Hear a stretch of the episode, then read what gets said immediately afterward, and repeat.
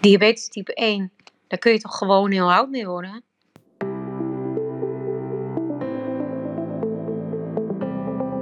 Welkom bij de Diabetes Podcast.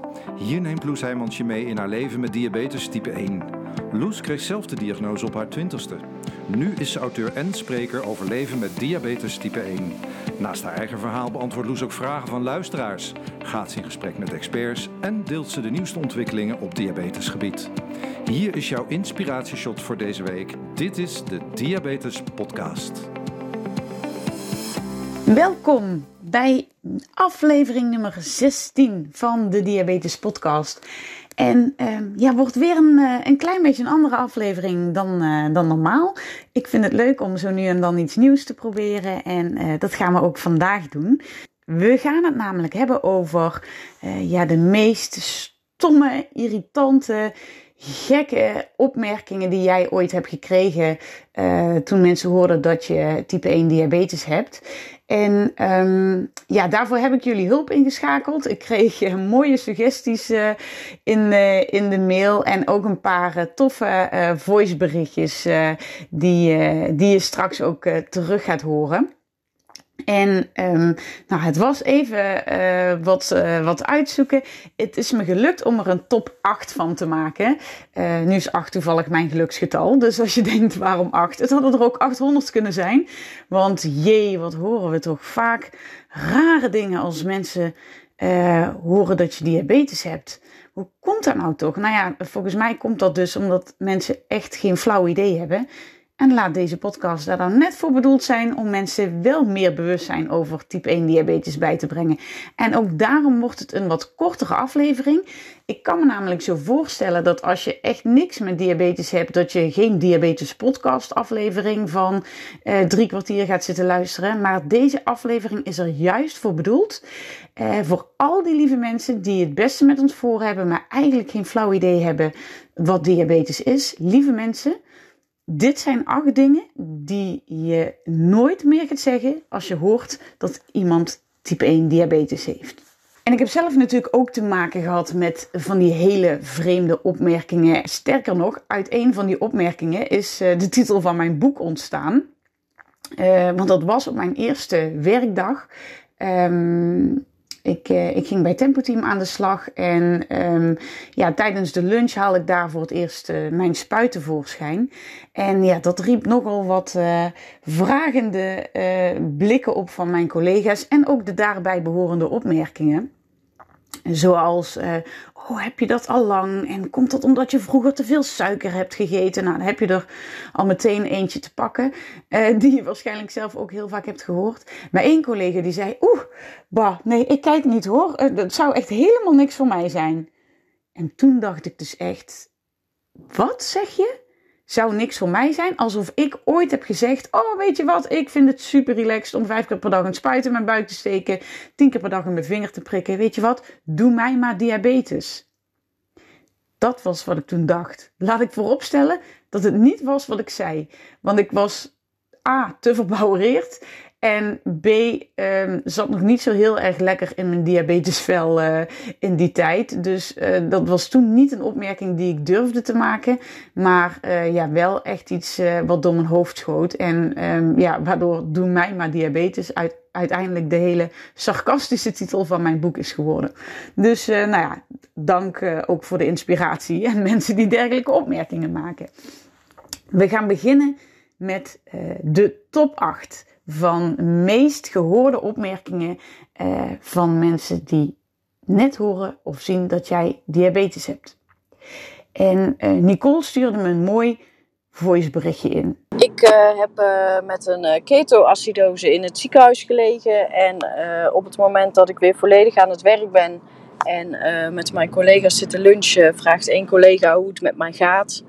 Ehm, nou, daarin vertel ik dat het nog niet helemaal best gaat en uh, dat het allemaal rommelt en dat er veel onverklaarbare hypers en hypo's zijn.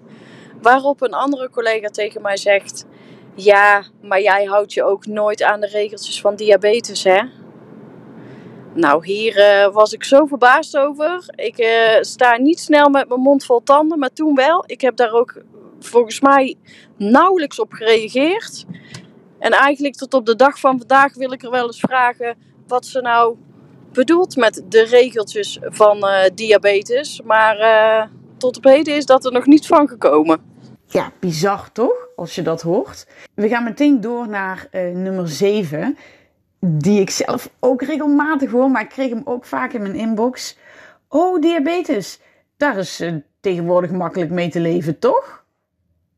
Misschien herken je het, maar ik zou dan heel vaak willen zeggen: ja, tuurlijk, hier probeer het maar 24 uur. En uh, volgens mij ben je er dan al helemaal klaar mee.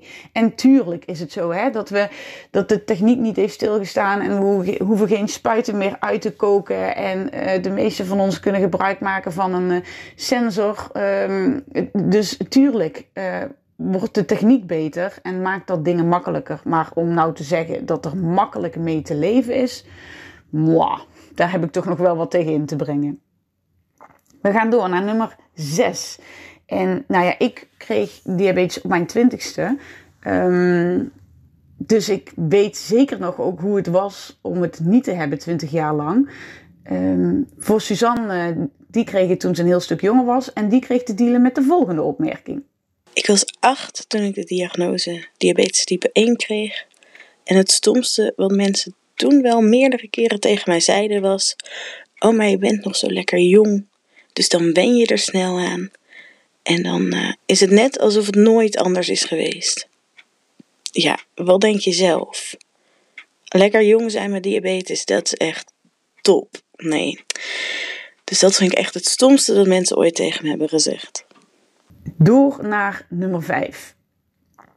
Oh, heb jij diabetes? Maar ik heb thuis nog een goed boek liggen over voeding en beweging. Dan ben je er zo vanaf.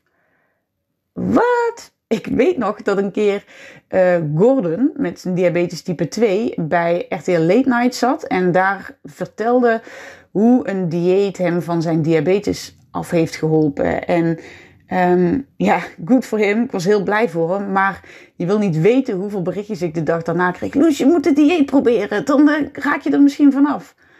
Uh, nee, lieve mensen. En dat is ook meteen weer een reden om altijd maar te blijven pleiten voor me, lieve media, zet er diabetes type 2 bij als het om dergelijke zaken gaat. Want uh, anders dan snappen de mensen er helemaal niets meer van.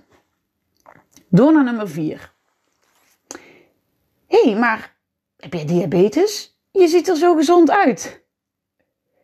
Ik weet dan nooit of ik dit als compliment op moet vatten of wat eigenlijk de bedoeling van die opmerking is. Maar blijkbaar is de algemene tendens dat als je diabetes hebt, dat je er dan niet gezond uitziet. Nou, volgens mij kan ik zo heel veel mensen op een rij zetten die er super gezond uitzien en toch diabetes hebben. Niet meer zeggen hoor mensen. Nummer 3. Oh, je hebt een sensor die je suiker meet. Oh, dat is wel makkelijk, dan hoef je verder niks meer te doen. Was dat maar waar? Ja, helaas. Nee, we werken nog niet allemaal vol automatisch. Uh, het wordt steeds beter natuurlijk met alle systemen die er komen. En het, uh, voor mij persoonlijk helpt het loepen daar ook heel erg in. Um, nou, mensen die deze aflevering horen en denken loepen, luister uh, aflevering 7 even. Maar uh, nee, je moet nog steeds heel veel zelf doen. Nummer 2. He, heb jij diabetes? maar je bent helemaal niet dik. Ligt een beetje in het verlengde van, hè, je ziet er zo gezond uit. Misschien is dat de, de, vriendelijke variant nog hiervan.